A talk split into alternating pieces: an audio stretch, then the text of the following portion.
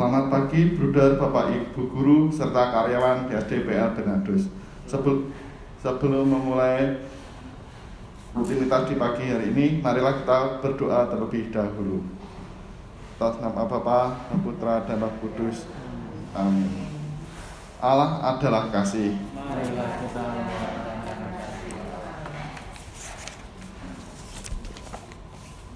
Allah Bapa yang penuh belas kasih, semoga mati raga kami dalam masa prapaskah ini mengasah hati umatmu untuk menyambut misteri Paskah dan mewartakan pujian akan karya penyelamatanmu. Dengan pengantaraan Yesus Kristus, Putramu, Tuhan kami yang bersama dan dikau dalam persatuan roh kudus, hidup dan berkuasa Allah sepanjang segala masa. Amin. Inilah Injil Tuhan Yesus Kristus karangan Santo Yohanes.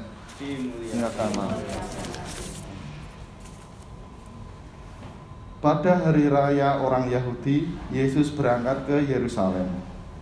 Di Yerusalem, dekat pintu gerbang domba, ada sebuah kolam yang dalam bahasa Ibrani disebut Bethesda. Serambinya ada lima dan di serambi-serambi itu berbaring sejumlah orang sakit. Ada di situ seorang yang sudah 38 tahun lamanya sakit. Ketika Yesus melihat orang itu berbaring di sana dan karena ia tahu bahwa ia telah lama dalam keadaan itu, berkatalah ia kepadanya, "Maukah engkau sembuh?"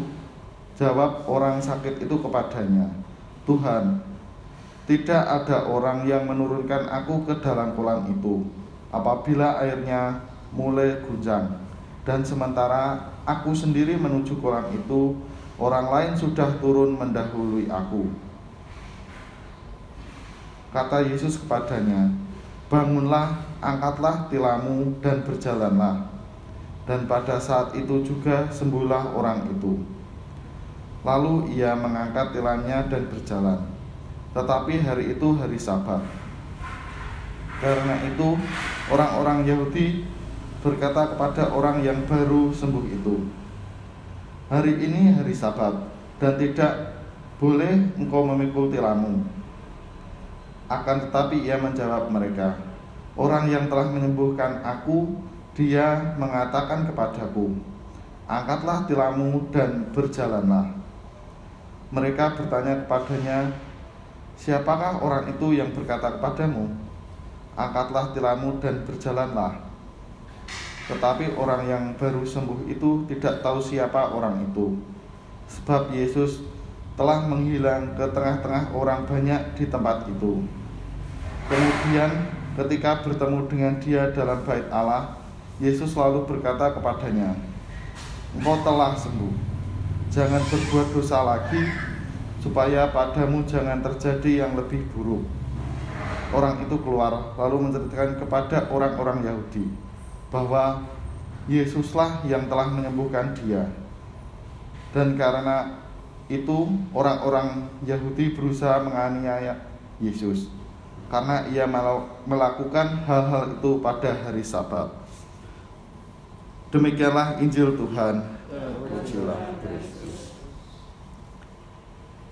Kita tidak bisa hidup tanpa air. Kita tidak boleh tidak minum. Kita butuh air. Kita juga membersihkan apa pun dengan air. Mandi dengan air, mencuci tangan dengan air, cuci piring, gelas dan seterusnya dengan air. Kita membuat kopi, teh, wedang uwo, jahe serai pasti dengan air pula.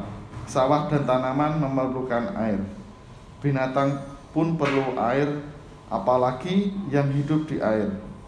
Air menjadi kebutuhan vital dan bahkan mutlak bagi kehidupan semua makhluk di mana pun.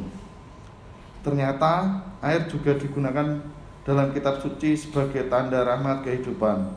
Dalam bacaan pertama Nabi Yeskel dilukiskan air yang keluar dari bait suci. Bait suci adalah tempat kehadiran Allah dan di mana Allah hadir di situ ada kehidupan dan kehidupan yang dianugerahkan bersifat melimpah. Ke mana, saja sungai itu mengalir, semua yang ada di sana hidup. Pada kedua tepi sungai itu tumbuh bermacam-macam pohon buah-buahan yang daunnya tidak layu dan buahnya tidak habis-habis. Dalam bacaan Injil, air dalam kolam Bethesda memberikan kesembuhan bagi orang yang pertama kali turun di kolam itu. Hanya saja ketika Yesus datang kehebatan air kolam Bethesda itu tidak ada apa-apanya sebab hanya dari sabdanya saja Yesus dapat menyembuhkan orang yang sakit selama 38 tahun.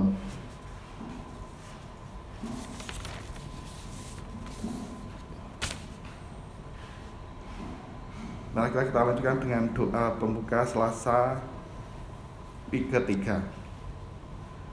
Allah Bapa yang kekal dan kuasa, Engkau selalu siap mendengarkan segala doa dan permohonan kami. Kami mohon rahmatmu untuk memulai tugas dan kewajiban kami pada hari ini. Terangilah hati dan budi kami, agar kami mengetahui kebutuhan kami untuk mengabdi kepadamu. Semoga kami semakin berkembang sesuai dengan kehendakmu berkat pendidikan dan pengajaran yang terima di sekolah ini, jauhkanlah kami dari sikap malas dan enggan dalam belajar. Bangkitkanlah semangat kami agar dengan, dengan penuh kegembiraan kami melakukan tugas kami demi kemuliaan namamu. Karena Kristus Tuhan kami. Amin. Bapa kami yang ada di surga, dimuliakanlah namamu, datanglah kerajaanmu, jadilah kehendakmu di atas bumi seperti dalam surga. Berilah kami rezeki pada hari ini dan ampunilah kesalahan kami seperti kami pun ampuni yang besar kami. Dan janganlah masukkan kami ke dalam percobaan, tapi bersalah kami dari yang jahat. Kemuliaan kepada Bapa Putra dan Roh Kudus seperti pada permulaan dan sepanjang segala Terpujilah nama Yesus, Bunda Maria dan Santo Yosef, dan selamat. Santo Bernardus, doakanlah kami. Amin. Atas nama Bapa, Putra, dan Roh Kudus. Amin.